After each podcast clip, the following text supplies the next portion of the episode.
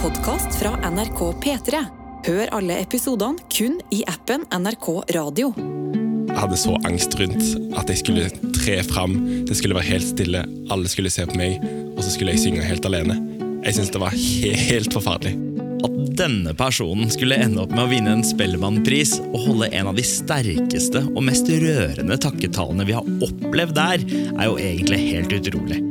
Hvordan har Behari gått fra å være en sjenert liten gutt med sceneskrekk som nekta å synge solo, til å bli en av Norges største soul-stjerner? So yeah,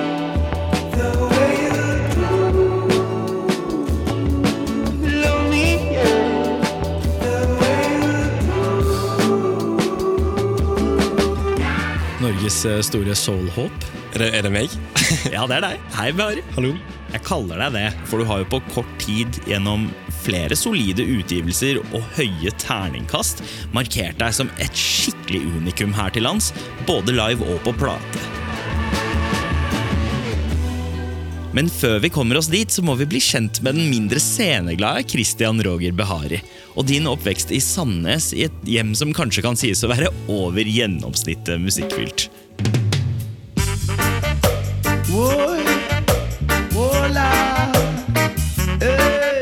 Hey. Jeg er liksom vokst opp med å våkne hver morgen til far, spille plater og CD-er og, og reggae, reggae og soulmusikk eh, i stua, mens han hopper opp og ned og, og danser og lager lyder. Don't let them fool you. Don't believe for a minute that they are with you. Shall free the people over hills and valleys too. Det var en høyttaler i stua med musikk. Det var en høyttaler i kjelleren med høy musikk, der du bare hører bassen bare runge gjennom, gjennom veggene. Samtidig som det var en som øvde på piano, og noen som eh, var på badet og sang høyt.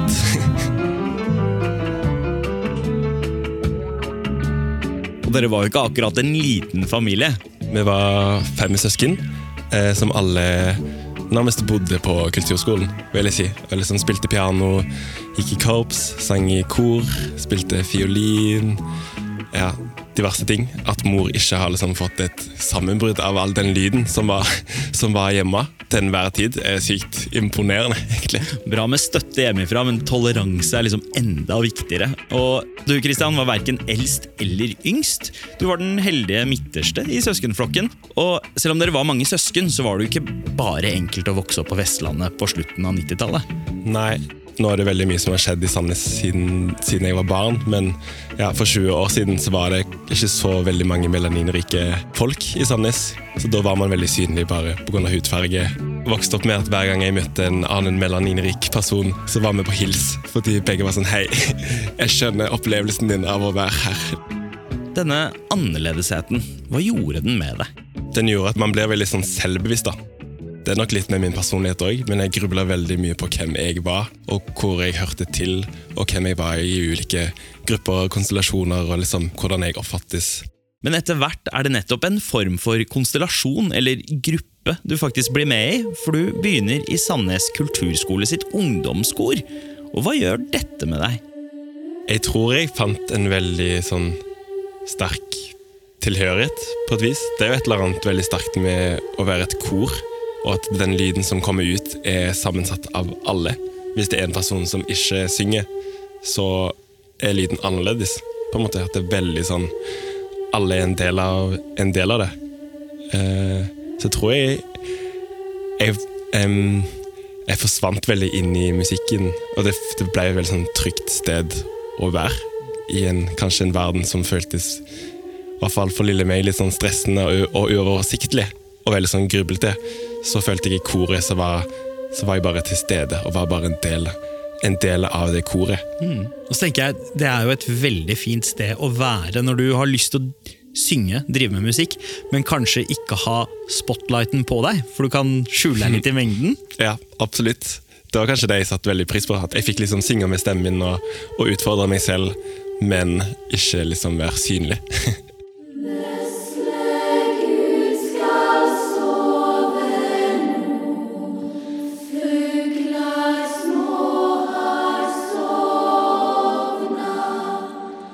viser deg å være veldig god til å synge.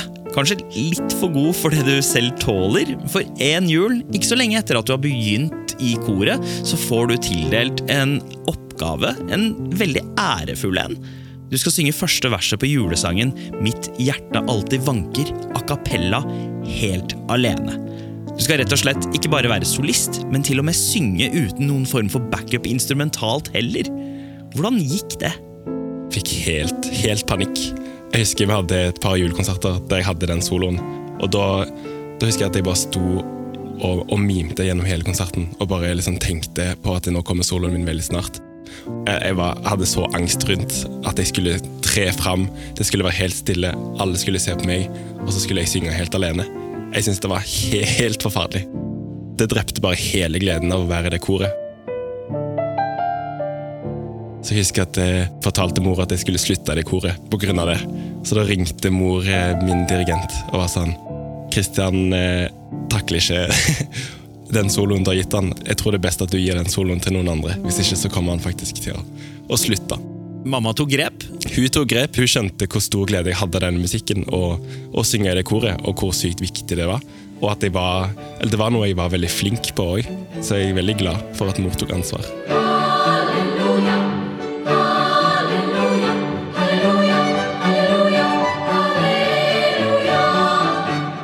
Så du får heldigvis fortsette musikkgleden din i koret. Men samtidig så vokser jo din nysgjerrighet for musikk, som ikke bare er korsang også. For nå begynner din personlige smak å våkne til liv. Jeg var vel ca. Ja, 12-13 år når jeg oppdaga John Legend for første gang. Han var kanskje mitt sånn første sånn artist, eller sånn sang-crush. At jeg ble helt sånn obsessed av hvordan han sang. Han var så sinnssykt følsom, og bare stemmen hans, den, den soulen i stemmen, den hitter, deg, den hitter meg veldig hardt. Jeg vet ikke hvordan jeg skal beskrive det, men det var bare en sånn Det her er bare så sinnssykt vakkert og kult samtidig. Og du blir jo faktisk så opphengt i din nye helt at du begynner å herme etter måten han synger på også.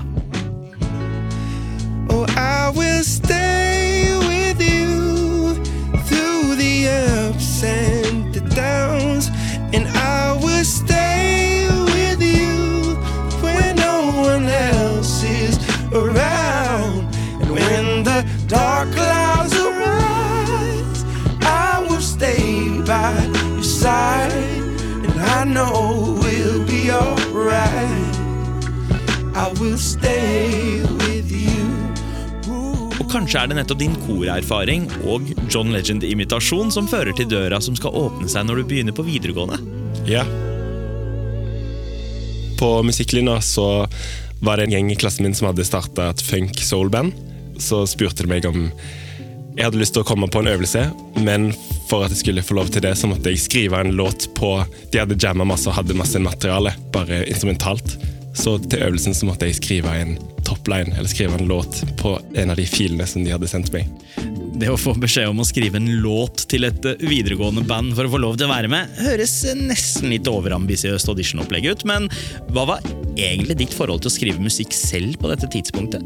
Det er veldig rart, men før det så slo det meg ikke at, at å skrive musikk var noe jeg kunne gjøre. Som er veldig sånn trist når man har gått ti år i kulturskolen, og så er det ingen som har liksom introdusert deg til en sånn Ei, du kan faktisk lage din egen musikk. Du må ikke bare copy-paste det folk har gjort før deg. Så det var liksom mitt første møte med en sånn Wow, ok. Jeg kan faktisk skrive en egen tekst og melodi fra scratch. Og du tok den utfordringa på strak arm?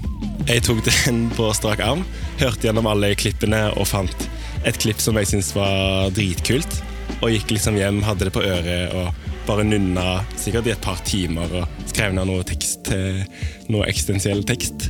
Og fant liksom noe litt sånn soul-funky melodi. Kom på øvelsen, var, var sjukt happy, eller var sykt sånn stolt. Syntes det var skikkelig bra.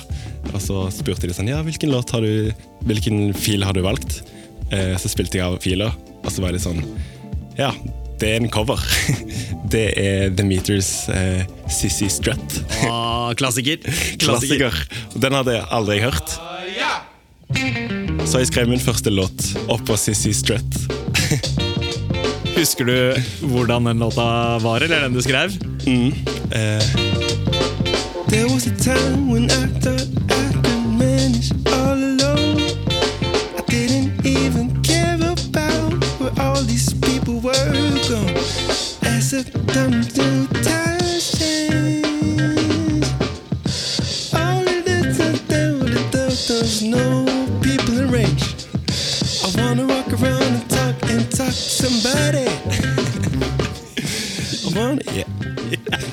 Sånn gikk, sånn gikk den.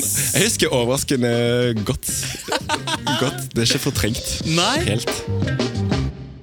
På tross av at du ikke hadde valgt deres låt, så fikk du jo lov til å være med i bandet. Og under navnet Talking People slipper dere flere EP-er. I see a poor boy on TV.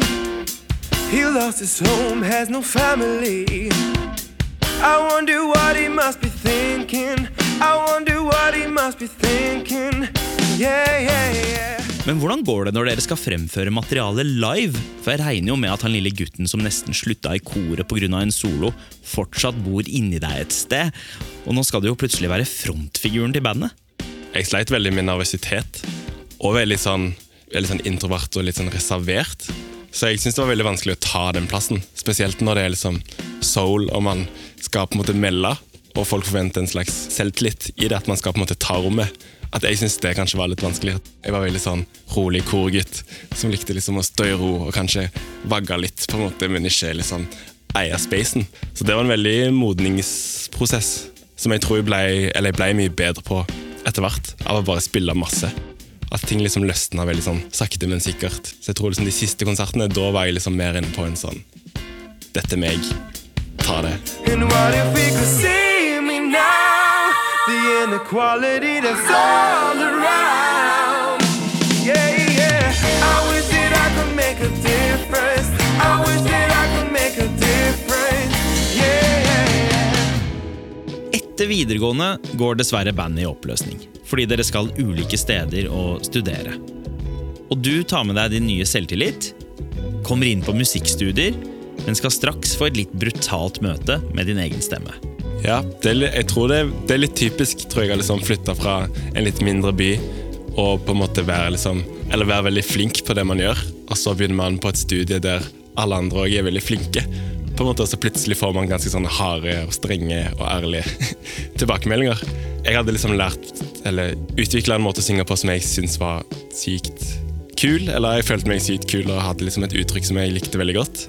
Jeg husker jeg første, første sangtime med min sanglærer. Så var han sånn Ok, nå skal vi ta opptak av at du synger en, synger en sang a cappella i 20 sekunder. Vi gjorde det, og jeg tenkte sånn Yeah, nå har jeg liksom vist at jeg kan synge. Ja, naila det. ja, hadde liksom pinlig god selvtillit på det. Og så var han sånn Ok, nå skal vi spille av dette lydklippet. Så skal vi telle hvor mange ganger du bruker vibrato i løpet av disse 20 sekundene. Og apropos selvbevisst Jeg var kanskje ikke så selvbevisst på liksom synginga. For det var sånn, det var vibrato på annenhver tone. For Jeg hadde hørt mye på John Legend, og han har jo en skikkelig sånn deilig vibrato. Og bare embracer den i liksom hver eneste tone. da Og det kan kanskje bli litt mye? det kan bli litt mye, ass. Og da var han sånn Det er kult, men det er ikke kult når du er liksom på 20. gangen på liksom første vers. Og var veldig sånn brutalt ærlig da på hvordan ting låt. Og pusher meg veldig til å stole på at stemmen min helt sånn clean er òg fin. At man må ikke gjøre masse greier for at det skal låte bra. da. Man kan selvfølgelig bruke vibrato og masse effekter, men da må det være en grunn til det. Men hva var det som skjedde med stemmen din da, etter at du fikk eh, beskjed om å eh, vibratoe ned? Jeg ble ekstremt bevisst på hvordan jeg skulle synge.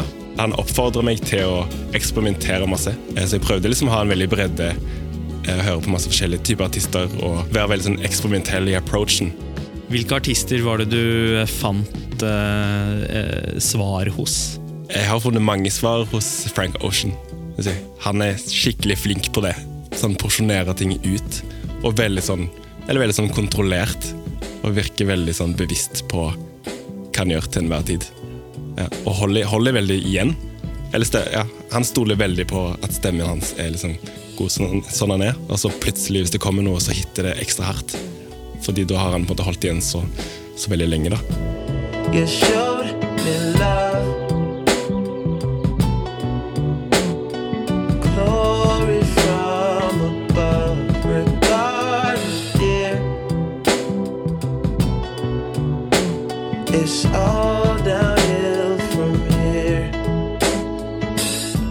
Med denne nye inspirasjonen og ikke minst nye selvinnsikten, så begynner du i løpet av studietida å spille inn nytt materiale med ditt nye band. Men det går ikke helt som planlagt. Nei, jeg hadde liksom fått en del støttepenger til å dra i studio og spille inn noen nye låter. Og satt igjen med liksom to ferdige masterlåter. Og hadde bare skikkelig dårlig magefølelse. Var bare sånn ah, Det er ikke dette her det skulle bli. Det ble liksom bra, men jeg klarte liksom ikke å la være å liksom være liksom skuffa. Eller tviler, da. Jeg hadde ikke liksom den der Yes, det her skal jeg vise alle. Hva var det du liksom savna da du hørte det? Jeg tror kanskje at jeg ikke trodde helt på det. Det var liksom for snilt. Det mangler en sånn nerve. Og du gjør noe så drastisk som å bare scrappe alt. Timevis med opptak som ikke bare du har jobba med, men både bandet og teknikere og en haug med folk har svetta og lagt inn en skikkelig innsats. Hvordan var det? Jeg syns det var sykt tungt. Eller jeg er veldig glad for at jeg ikke ga ut den musikken. på en måte, Men det var et eller annet med liksom å ha jobba så lenge, og når man endelig har noe klart, og så blir det ikke noe av, og så skal man liksom sette seg alene på pianorommet og begynne på ny, som jeg syns var sykt slit. Skal være ærlig. Hvilke endringer måtte du gjøre for å prøve å finne en mer ekte versjon av deg selv? Jeg tror kanskje noe av det beste jeg gjorde, var å begynne å spille gitar. Faktisk.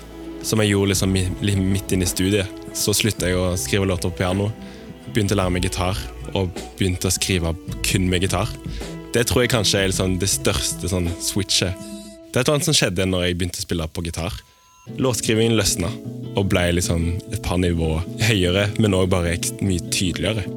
Måtte du også endre noe på måten du skrev tekstene på låtene dine? Jeg fant i hvert fall ut at jeg må lære meg å være ærlig. De første låtene var veldig sånn generelle. Det er veldig sånn forsvarsmekanisme som er veldig forståelig. Det er ekstremt sånn absurd ting å grave til sine inn, innerste tanker og følelser. Og liksom skrive om ting som man kanskje egentlig ikke forteller liksom alle sine venner. Og så skal jeg plutselig gi det ut til hele verden, og så skal det være liksom tilgjengelig for alle. Alle skal kunne liksom bli kjent med det, og alle skal ha en mening om det. Det er jo et et sånn absurd konsept, egentlig. Så jeg, jeg lærte å være ærlig med meg sjøl og tørre å, si hvordan verden føles. It's filling up my head. Stories left unsaid. Waiting for that bloom.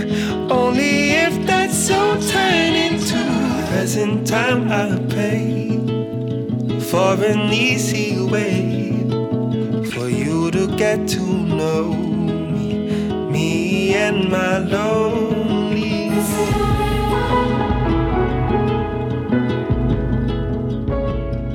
Altså, Jeg har jo hørt på eh, utgivelsene dine, og eh, så er det eh, mye eh, sårbarhet i tekstene dine. Et ønske om å bli eh, elsket og sett. Stemmer.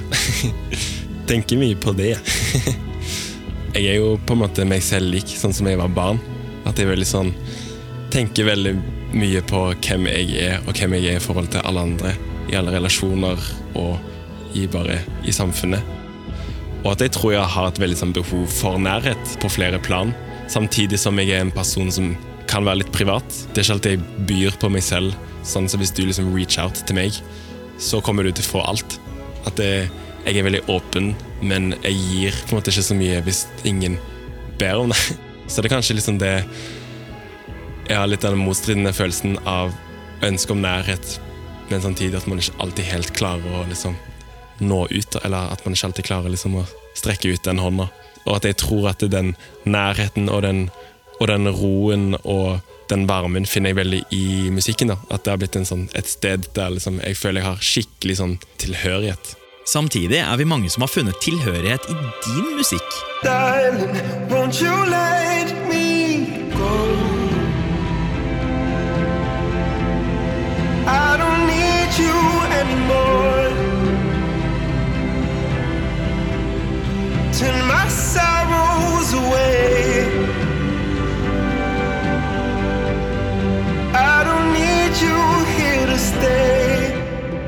Dessuten har enda flere fått øynene opp for deg gjennom eh, dine nydelige samarbeid med Thomas Dybdahl. Your love was like a river. Ooh, I should know to me. Your love was like a river. washing over me. Your love was like a river washing over me. Men kanskje enda flere som oppdaget deg da du fikk en heftig main character-energi på Spellemannprisen i fjor. En utdeling som skjedde på selveste bursdagen din. Du var nominert i kategorien solo R&B, og foran flere hundre tusen seere så ble vinneren annonsert. Og den utkårede er Harry! Da går du opp på scenen. Og Hva er det som foregår i hodet ditt akkurat da? Jeg var så sykt redd for å bli liksom overvelda. At man går liksom inn i en sånn Ok, Kristian, nå, nå har du vunnet prisen. Nå går du opp på scenen. Nå skal du gå opp de trappene. Så går du bort, tar imot prisen, ikke mist prisen. Så skal du ta opp mikrofonen. Men takketalen din blir ikke bare den sedvanlige oppramsinga av alle som har bidratt til plata di. Hva hadde du tenkt rundt dette før prisutdelinga, egentlig? Det er veldig fint å si de navnene høyt, samtidig som ja, Jeg tror bare jeg hadde veldig sånn behov for å si noe som jeg følte liksom betydde mer da, enn det. At det Jeg vet ikke, jeg følte meg jo veldig som en underdog på den prisutdelingen. Så jeg tror jeg var litt sånn Hvis jeg faktisk får den mikrofonen, som kan være det siste gang at jeg får den mikrofonen, så har jeg lyst til å si noe som betyr noe som veier tyngre, og som kanskje liksom koster mer. Og du kommer da med en avslutning på talen din som er så overraskende og rørende at altså jeg tror ikke at det var et eneste tørt øye i marmorsalen der da. Til slutt eh, så vil jeg bare si at i går eh, var det 50 år siden homofili ble avkriminalisert. Som er helt sjukt. Eh, så jeg har lyst til å dedikere denne prisen til alle superhelter der ute som har kjempa for min rett. Og alle mine venner og alle skeive personer sin rett til noe så banalt som å eksistere. Fy fader, ass. Dere er superhelter alle sammen. Tusen, tusen takk. Prisutdelinga var jo 22. april, dagen etter 50-årsmarkeringen for avskaffelsen av den såkalte homoparagrafen. Med andre ord 50 år siden det rett og slett ble lovlig og ikke lenger kriminelt å være homofil i Norge. Stemmer. Det var jo naturlig at jeg tenkte veldig mye på det i den perioden. Men det at du som er så lite glad i oppmerksomhet, klarte å flette det inn i takketalen din på Spellemannprisen, er mildt sagt imponerende. Eh, Var du noen gang redd for å bli ramma av den gamle sceneskrekken, eller? Ja, litt. Jeg var redd for at jeg skulle bare miste ordene mine. Samtidig som jeg gikk på en måte inn i en sånn modus som er sånn Ok, Kristian, bare gjør det. liksom. Litt av en bursdag. Og etter denne nydelige talen har jo bare enda flere fått øynene opp for deg. You're the sun on the rise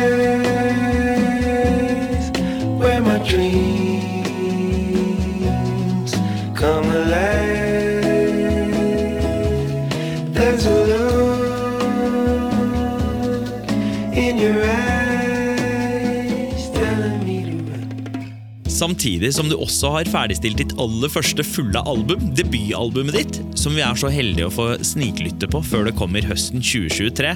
Og her skal vi nemlig høre Behari i full blomst som flammende het soulstjerne. Feeling, little dizzy. Okay, seems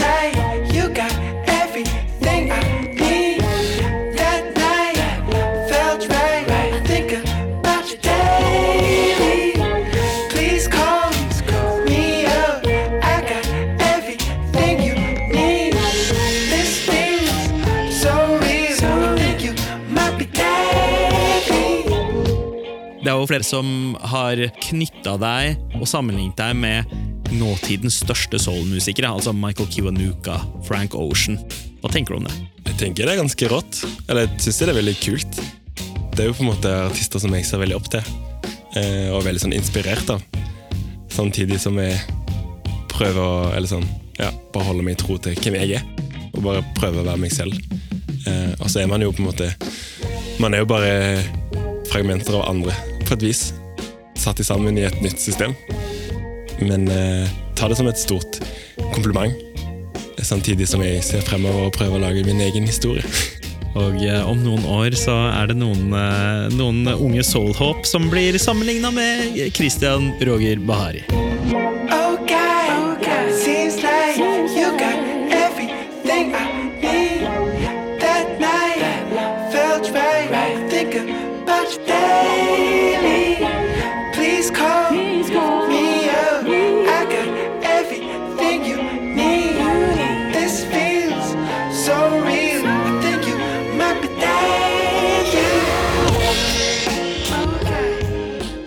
Har hørt en episode av Musikkrommet. Hvis du likte det du hørte, anbefal oss gjerne til en venn.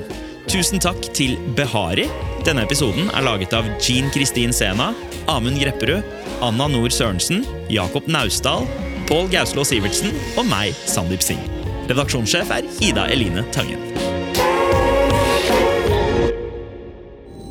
Du har hørt en podkast fra NRK P3. Hør alle episodene kun i appen NRK Radio.